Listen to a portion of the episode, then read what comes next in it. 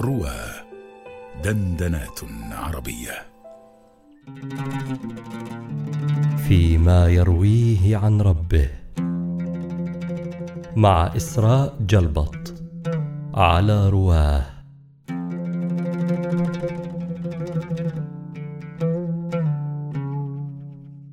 قال رسول الله صلى الله عليه وسلم فيما يرويه عن ربه تبارك وتعالى يا عبادي إني حرمت الظلم على نفسي وجعلته بينكم محرما. فلا تظالموا. يا عبادي كلكم ضال إلا من هديته. فاستهدوني أهدكم. يا عبادي كلكم جائع إلا من أطعمته. فاستطعموني أطعمكم. يا عبادي كلكم عار إلا من كسوته. فاستكسوني أكسكم. يا عبادي إنكم تخطئون بالليل والنهار وأنا أغفر الذنوب جميعا. فاستغفروني أغفر لكم.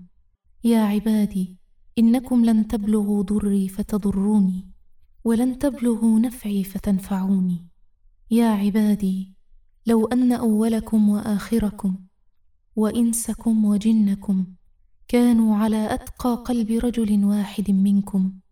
ما زاد ذلك في ملكي شيئا.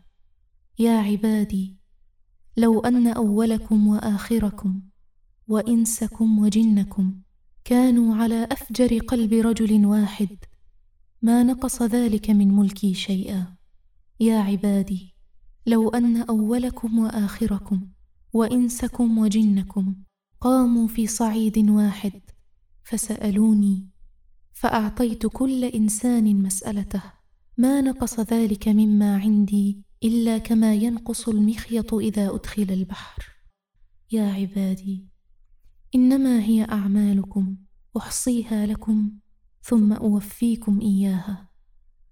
فمن وجد خيرا فليحمد الله ومن وجد غير ذلك فلا يلومن إلا نفسه.